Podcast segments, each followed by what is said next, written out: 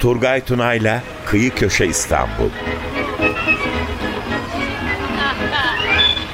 Üsküdar'a giderken aldı bir yağmur Üsküdar'a giderken aldı bir yağmur İstanbul'da mekanlar, olaylar ve insanlar.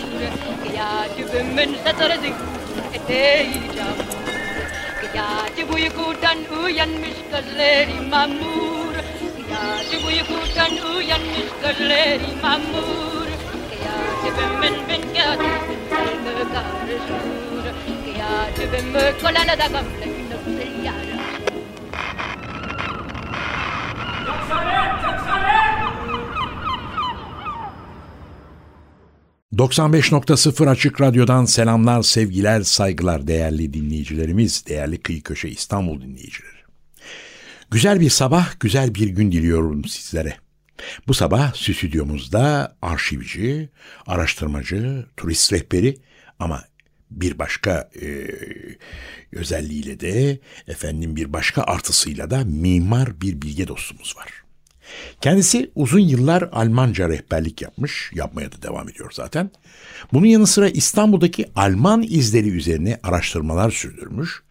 Tabii ki bu konu üzerinde de uzmanlaşmış, değerli bir dostumuz olan Adnan Özerler. Sevgili Adnan Özerler hoş geldin programımıza. Buralara kadar geldin. Hoş geldin. Öncelikle nasılsın? Teşekkürler. Davetin için ayrıca çok mutlu oldum. Tekrar teşekkürler. Ben de teşekkür ederim çünkü senden öğreneceğimiz çok şeyler var. Bu bir gerçek. Sen bir vefa liselisin öncelikle bildiğim kadarıyla. Doğru değil mi? Evet. Okulu bitirdikten sonra yurt dışına Almanya'da yaşayan ailenin yanına gidiyorsun. Stuttgart'ta turizm ve otelcilik eğitimi alıyorsun. Orada nerede o turizm otelcilik eğitimi aldın? Ee, havaalanı işletmelerinde. Havaalanı işletmelerinde. Ama bununla da yetinmiyor. Sen tabiri caiziyle ise, bugün de öylesin zaten, hızını alamayıp Hanover'de mimarlık eğitimi alıyorsun. Bütün bunlara lise yıllarında amatör üniversite eğitimi sonrasında profesyonel rehberlik ekleniyor. Değil mi? Evet. Rehberlik kariyerine diğer eğitimlerini ve birikimlerini de katarak 30 yıldan bu yana Doğru mu söylüyorum? Fazlası var. Daha fazlası vardır evet. değil mi? Aralıksız bir şekilde sen rehberliğe devam ediyorsun. Ve de tabii asıl burada benim seninle e, sohbetine girmek istediğim konu İstanbul'daki Alman izleri. Çünkü evet. bizim Almanlarla özellikle 19. yüzyıldan itibaren ortalarından itibaren muazzam bir yakınlaşmamız var. O müttefik Almanya, Çanakkale'den efendim ta Hicaz çöllerine gidiyoruz. O bir tarafta ne bileyim ben Eben zırhlısından tutuyoruz ta Malta sürgünlerine gidiyoruz. E, bunun gibi e, daha başka e, örnekler. Sana şunu sormak istiyorum. En eski is bizim İstanbul'da Evet. Ne var? Ee, aslında e, senin de muhakkak bilmen lazım. Ee, bil, biliyorsundur muhakkak. Balat'ta bir başmelek... Supraştagabet Kilisesi. Evet. Başmelek evet. Cebrail Kilisesi var Ermenilerin Hı-hı. ama Hı-hı. o eski bir Rum kilisesine evet, evet. paşalara Teodoros. rüşvet evet, e, Ermenilere veriliyor e, cemaat çoğalınca. Orada bir demir kapı var. Ya, Vafteshane tarafına geçerken üzerinde Almanca yazılar var ve 1727 diye bir tarih evet. düşülmüş. Çok ilginç orada Aya Yorgi'nin ejderha öldürürken bir tasviri Öldürken var. Çok güzel bir tasviridir. Çok güzel bir tasviri var. Onu İnci Cihan'ın kitabında araştırdım. Ee, Babik adında bir demirci Topkapı Sarayı'nın o dönemin restorasyonunda oralarda dış avluda buluyor padişahın ya da vezirin izniyle de oraya monte ediyor o hale. Evet. Ona uydurup mu? Çok ilginç. Tabii çok ilginç bir şey var. Şöyle ki Adnan ben o kapı beni yıllardır düşündürür. Şimdi Orada Topkapı Sarayı'nda e, o adam çalışırken Babikus'ta toprağın altından bu çık, çıkan kapının ne ilişkisi var? Ben şunu düşünmüşümdür hep sana söyleyeyim bilmiyorum sen nasıl düşünüyorsun? Bizim biliyorsun Avusturya'ya yaptığımız seferler var. Kanuni Sultan Süleyman dönemi gerçi 1726'dan söz ediyoruz bu kapıda ama ondan sonra da var bizim Avrupa'ya çıkışlarımız. O zamanlarda getirilip de bir de üzerinde dini tasvirler var Hristiyanlıkla ilgili. Bunlar e, tabii o nedenle getirilmiş olan o kapı toprağın altına mı gömüldü? Yani e, o şekilde kayboldu da sonradan ortaya çıktı gibi bir durumu olabilir mi? Yoksa ne işi var orada? Topkapı'nın efendim toprağın altında bahçesinin yanında Gülhane'nin yan tarafından çıkar o. Orada ne işi var? Bunun 1726 tarihli kapının oralarda. Fakat değil mi? bugünün anlaşılır Almancasıyla Aziz Georg kahramanca ejderhayı öldürerek işte Evet. şehrin suyunu Tabii. garanti altına Öyle alıyor. ama Evet. Saint George biliyorsun yani Sankt Georg Almanlarda çok önemli bir aziz. Hatta Almanlarda izcilik teşkilatı Fatih Finderlerinde Hmm. koruyucu azizi her zaman karşımıza çıkıyor. Ee, şöyle söyleyeyim sana bir onla başladık. Bir de tabii 19. yüzyılda gelen mimarlar var, şu var, bu var yaptığımız anlaşmalarda ayrıca ordu yani sivil savunmada da öyle bu şekilde adlandırabilirsek o dönem için bizim Almanlarla büyük yakınlaşmalarımız var. Ve o, o zaman gelen buraya o mimarlar örneğin, hocalar, şunlar bunlar onlarla gelişen bir başka dönem var ki o dönemde Sirkeci tren istasyonu yapılıyor. Haydarpaşa. Evet. Ondan sonra benim başka binalar yapılıyor. Mesela benim en sevdiğim binalardan bir tanesi Adnan. Benim için o binanın görüntüsü de o kadar muazzam bir bina ki al Batman'i peleriniyle üstüne koy. Yani Batman İstanbul'da filmini çevir. Deutsche Bank Sirkeci'de. Evet. E, Auguste Yahmund'un bir binası bugün otel oldu. Çok güzel restorasyon geçirdi. E, Auguste Yahmund sirkeci garını yapmaya geldiğinde e, e, bunun e, bazı Osmanlı paşalar bırakmıyorlar. Mesela Sarıca Ragıp Paşa Caddebostan'da köşkünü yaptırıyor. Kızı Tevhide Hanım için ve damadı için hemen yandaki arsaya bir köşk daha yaptırıyor. E, Rumeli Han gene Auguste Yahmund'un olduğunu biliyoruz. Bugünkü Rumeli Han'ın İstiklal'de Rebul Eczanesinin olduğu bina. Ve dediğim gibi bu Germanya Han yani Deutsche Orient Bank, Deutsche Orient Bank. Orient Bank çok güzel, enteresan bir bina ve Almanya'da benzeri yapıları da var böyle. O meşhur Evet. oksitlenmiş kubbesi, baldakinli Ya. çatısıyla ve manzarası çok güzel. Benim oraya çıkma fırsatım da oldu. Of. Çok güzel otel. Oradan evet. güzel bir manzara vardır Evet. muhakkak bütün aşağıda. Ondan önce de bildiğin gibi e, e, Haydarpaşa Garı'nı Otto Richter ve Helmut Kuno yapıyorlar. O da Lübeck'teki tarihi istasyona çok benzer. Benziyor değil mi? Alman yeni Rönesans yapıları. E, ama tabii ondan önce de mesela e, Aynalı Çeşme e, Aynalı Çeşme'de hatta oranın eski adının Minili Çeşme olduğu da söylenir. Bir Alman Protestan kilisesi var ve onun altında bir Alman okulu varmış aslında eskiden. E, bu 1861 tarihine dayanıyor. Gene aynı tarihlerde bugünkü Alman Lisesi'nin ilk binası var. Yani dediğin gibi 19 İlk bina neredeydi? aslında ilk bina Teotonya'nın yerinde değil miydi? e, valla e, hayır bu kilisenin altındaymış. Kilisenin altında. Aynalı Çeşme'deki Çünkü kilise- bizim bugünkü sözünü ettiğimiz Alman e, Deutsche Schule'nin yerinde o 1868 yılı sonrası yapılan ilk bina var bildiğim kadarıyla. Çünkü zaten Deutsche Schule'nin İstanbul'daki ilk resmi açılış tarihi 1868 biliyorum. Doğru evet. mu? Bir de savaş yıllarında bütün Alman e, binalarına el konuyor, el koyuyor. Evet. Müttefikler mesela bir Alman dizisi Masonlar Locası'na taşınıyor. e, Nuri Ziya Sokak'ta. Alman Lisesi değil mi? Evet bakın Masonlar Locası e, o zaman Alman lisesi oluyor geçici olarak. Tarabya'dakine el koyuyorlar. Nuri Alman Ziya Sokak'taki Nuri Masonlar locasından bahsediyoruz. Tarabya'daki yalıya e, e, yazlık rezidansa el koyuyorlar. Çok ilginç e, savaş yıllarında Almanlar bütün binalarını e, elden çıkarıyor. Hatta bugünkü başkonsolosluğa İsveç el koyuyor. Hep savaştan sonra geri alıyorlar. Tabii tabii. Geri veriliyor. Hep öyle oluyor. Mesela Birinci Dünya Savaşı'nda biz mesela İtalyanların sefaret binasını ele geçirmişiz. Fransızların öyle hepsini kapatıyoruz. Okullar kapanıyor kapanıyor. Ondan sonra da İkinci Dünya Savaşı başlarken bunlar tersine dönüyor. Evet. Daha doğrusu pardon İstanbul'un işgalinde tersine dönüyor. Böyle. Evet.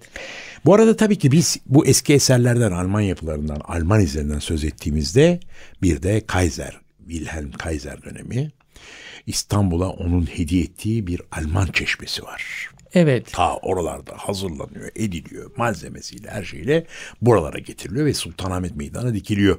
Alman evet ikinci gelişinde Kaiser Wilhelm üç kere İstan, e, Türk İstanbul'a e, Türkiye'ye geliyor daha doğrusu. Derekelere gidişi var, şeylere gidişi var. Tabii 1889, 1898 ve 1917 iki kere Abdülhamit döneminde bir kere de Mehmet Reşat döneminde geliyor ve e, ikinci geldiğinde bu Hohenzoller zırhlısıyla e, prefabrik bitmiş bir vaziyette daha önce hazırlattığı Berlin'de e, bu Alman çeşmesini getiriyor.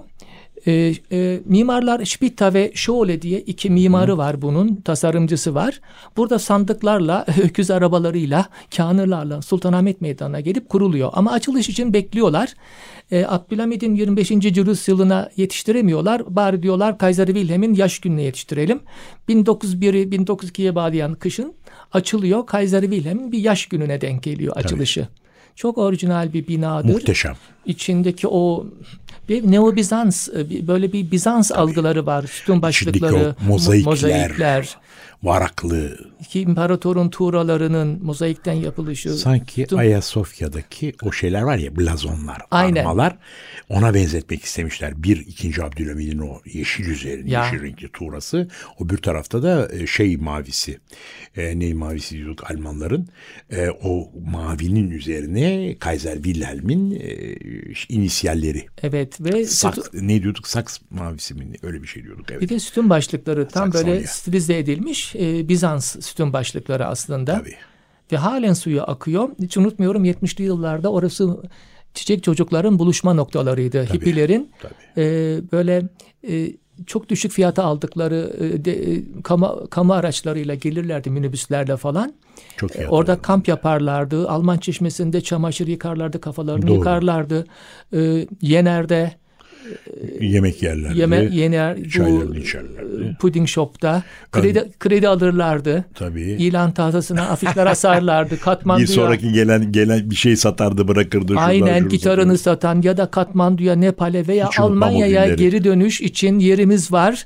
Cüzi bir katılışla birlikte seyahat edebiliriz diye ilanları olurdu Pudding Shop Lale'de. Hippilerin o dönemi meşhurdu. Ya ve Alman çeşmesi Ve- onların kamp alanı gibiydi. Tabii. Oralarda hep çadırlarını kuruyorlardı. O zaman onlara da izin veriliyordu. Bir de hiç unutmam o yenerin önünden böyle uzanırdı aşağılara kadar. Özellikle Fransız hippiler falan filan. Döşevolar. Evet. Renault 6'lar falan böyle dizilir. Üzerinde çiçek resimleri bilmem neler. Acayip bir dönemdi. Muhteşem bir dönemdi aslında. Rengarenk öyle bir dönemdi. Evet Alman çeşmesi dedik. Bir de tabii ki Almanların İstanbul'da bu sefaret binalarının açışında bir başka öykü o da. Çünkü gidiyoruz aşağıya Deutsche Schule Alman Lisesi'nden biraz aşağı indiğimizde malum Doğan Apartmanı. Doğan Apartmanı çok öncelerde daha böyle efendim kurulduğu yapıldığı yıllarda önce işte Helbig dönemi şu bu onların yaptığı onların mülk sahibi olduğu dönemlerde. Onun öncesinde orada Almanların açtığı ilk sefaret Evet. binası orada. Tabii bu Belçikalı Helbig ailesinin büyük bir ihtimal e, kar amaçlı yaptığı çok büyük bir apartman. Onun iki katını kiralamış Prusya. O zaman Almanya yok Prusya. Rusya evet. E, o zaman e, ilk konsolosluk orada açılıyor. İlk temsilcilik diyelim artık.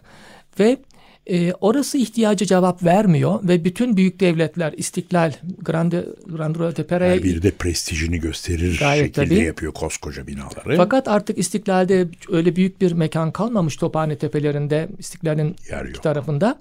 Bu sefer Abdülhamit onlara Gümüşsuyu mezarlığında Ya. bir arsa e, öneriyor. Bunlar satın alıyorlar aslında parasını ödüyorlar. 1877'de e, bir şartla o mezarlık alanına bugünkü e, e, saraylarını yaptırıyorlar. O zamanki e, işte kartallı bina dedikleri dört çatının dört köşesinde bronz kartallar ki bugün hiçbir tanesi ortada yok. İkinci Dünya. Savaşı sonrası o kartallar kaldırılıyor. Kayboluyor. Çünkü ama simgeleyen. ve kayboluyor. Hani bir tanesi en azından hatıra anı bir Şeyde yok mu Adnan acaba hani bilemiyoruz. Onların aşağıda kömürlükleri var, depoları var. Oralarda bir yerlerde olamaz. Ben sordum. Cidden kayıp. Yok. Kayıp yok. Herhalde ya satıldı ya eritildi. Bizde meşhurdur böyle Tabii, değerli maddeleri, çanları falan alıp. Doğru. De? Ve 1877'de yalnız Abdülhamid'in bir şartı var. Bakın burası mezarlık alanı ve sizin arsada bazı mezarlar kalıyor. Bunları koruyun. Orada Silahdar Ali Ağa diye bir Evet. ailenin halen Hala bakarlar. bakarlar pırıl pırıl tek korunmuş mezar o yörede o aslında. Yalnız bir şey daha biliyorum. O zamanlar bu sefaret binası inşa edilirken bazı sorunlar da çıkıyor. Çünkü gazete haberlerinde gözüküyor. Halk biraz karşı çıkıyor. Nasıl siz mezarları? Çünkü binanın yapıldığı yerde de mezarlar var. Onlar kaldırıyor da Silahtar Paşa'nınki kalıyor orada birkaç kişiyle. Evet. Ama orada kalkıldı- kaldırılanlara da halk biraz homurdanıyor tabii ki. Yani biraz değil iyi homurdanıyor ama sonra örtbas edilip bitiyor. Ama zaten daha sonra yapılan şu modern bütün o gümüş suyu apartmanların temellerinde ben fotoğraflarını gördüm. Hepsinde kemikler ve var çıkıyor. çıkıyor. Hatta bazı fotoğraflar da var. Yani e, Evet. mezar taşlarıyla kalmış olan bazı fotoğraflar var. Bir iki tane Var. gravürde de görüyoruz biz. var. Hatta Japon konsolosluğu yapılıyor daha sonra aşağıya. Onun da öyle. Ama orada zaten Gümüşsuyu Askeri Hastanesi var. Mezarlık oradan başlıyor. Oradan başlıyor. Sonra Selviler adı da belki büyük ihtimal oradan geliyor. Çünkü fotoğraflarda arkada selvi ağaçları görünüyor denizden bakıldığında. Belki o selviler, sıra Selviler Caddesi mezarlığın sınırıydı aslında. Ve Evet. ilginç ve fakat Almanlar oraya 1877'de çok güzel bina yapıyorlar. Savaş yıllarında orası da kapanıyor. Ta ki Ankara başkent olup da Büyükelçilik Ankara'ya taşınınca 1931 senesinde orası başkonsolosluk olarak tekrar açılıyor. Evet. Ve bugün çok görkemli bina. Çok iyi bir- Muhteşem bir e, 20 sene kadar önce çok büyük bir restorasyon geçiriyor ve güçlendiriliyor. Meşhur bir Kaiser zalleri vardır. Toplantı ve tören e, salonları. Burada büyük bir de Kaiser Wilhelm'in büyük tablosu var. tablosu Şeyle- var. Evet. Ve konsolosların konsol İstanbul'a gelen başkonsolosların da lojman diyeceğimiz konutları Tabloları onun orada içinde. olmuş. Yan tarafında da Alman Arkeoloji Enstitüsü vardı. Biliyorum. Şimdi galiba o da taşınacak. Çünkü tüneldeki Teutonia binası yani bu Alman e, Orasını Alman Lisesi kullanıyor biliyorum. Kısmen. Şöyle artık değil orasını Max Weber Vakfı aldı. Yani Orient Institute artık oraya taşınıyor Cihangir'den. Ve oraya bir bölümüne de Alman arkeolojinin geleceği Onlara duyumlarını aldım. E, Teutonia binası da tıpkı gene 1800'ün ortalarında çok eski bir 1847'lere dayanıyor Teutonia. Teutonia dediğimiz zaman e, çok pardon kestim böyle. E, dinleyicilerimize onu bir şey yaparsak biraz açıklık getirirsek nerede, nasıldı, ne yaptı, neyin neden Teutonia diyoruz ama. Teutonia e, biliyorsun e, İstanbul'da bütün büyük devletlerin kültür merkezleri, e, dernekleri, lokalleri, hastaneleri, çocukların okulları hatta ba- bankaları bile var. E, bunlar genelde tıpkı İtalyanların olduğu gibi, Fransızların olduğu gibi iş adamlarının, sanatkarlarının, zanaatkarlarının e, buluşma noktaları, kültür merkezleri ama biraz milliyetçi Teutonia evet, tabii. biraz milliyetçi bir e, hani bu da yurt dışında yaşamanın verdiği bir şey olsa gerek. Bir Orada- araya gelme. Evet. e, dediğim gibi bütün Alman camiası ama İsviçre'de bunların kanatları altındaydı. İsviçre küçük bir devlet. Çok az İsviçreli var. Her zaman İsviçreliler Almanlara takılmışlar. Bütün onların okullarını, kültür merkezlerini, Teutonia gibi dernek binalarında da üye olup etkinliklere katılmışlar. Evet. Adnan istersen şöyle küçük bir ara verelim. Buradan senin sevdiğin bir şarkıyı kıymetli dinleyicilerimizle paylaşalım. Ancak lütfen sevdiğin, çalınmasını istediğin parça konumuzun içeriğiyle ilgili olur ise bizleri çok seviniriz. Ne e, istersin, neyi çalalım? Buradan teknik e, masada oturan Selahattin kardeşimiz de bizden onu bekler. Şimdi e, İstanbul'da görev yapanlar e, hüngür hüngür ayrılıyorlar İstanbul'dan. Daha geçenlerde gene İsviçre Başkonsolosunu uğurladık. Alman Başkonsolosunun özel kalemi Bayan Struck'u uğurladık. Şimdi onların İstanbul'a özlemini zamanında bir Alman şarkıcı çok güzel beste İstanbul ist weit. İstanbul artık uzakta. Boğaza hasret, Bosporus'a Boğaza hasret. Onu dinleyebiliriz. Hadi bakalım o zaman biz ona kulak verelim. Evet değerli kardeşim bu güzel şarkıyı dinledik. Bu pek bilinmez. Hani bazı Fransızca ya İngilizce e, Amerika kökenli İstanbul şarkıları var. Çoğumuz bunları artık biliyoruz ediyoruz ama bu çalınan senin önerdiğin e, bu güzel parça pek fazla duyulan bilinen bir parça değildir. O da çok güzel oldu. Onu da dinlemiş olduk. Peki biz bu Alman sefaret binasından bahsederken bir de Almanların yani koloni olarak çok önemli bir yerleri daha var. Tarabya'daki e, yazlık Alman rezidansı ama ben orada rezidansın dışına da çıktım. O onların mülkleri arasında yer alan bütün o arkadaki koruluk kesimde e, şehitlik var. Alman şehitliği var. Bir enteresan mezarlar var. Hatta çok önemli bir e, anıt heykel de orada yer alıyor şehitler için. Oraya dikilmiş. Evet orasını da Abdülhamit döneminde 1887'de Abdülhamit e, Rumlara kızıyor. Rum Mavrocordato ailesinin Meşhur. elinden alıyor. Almanlara Tarihi veriyor. otelin olarak kadar da gidiyor onların mülkleri. Evet o kadar büyük bir e, yamaç, orman. Yanında da. Huber Köşkü'yle duvar sınırı. Meşhur silah tüccarı Augusto Evet. Huber'le de duvar komşuları. Onun da çok özel bahçe e, merakı var e, Bay Huber'in.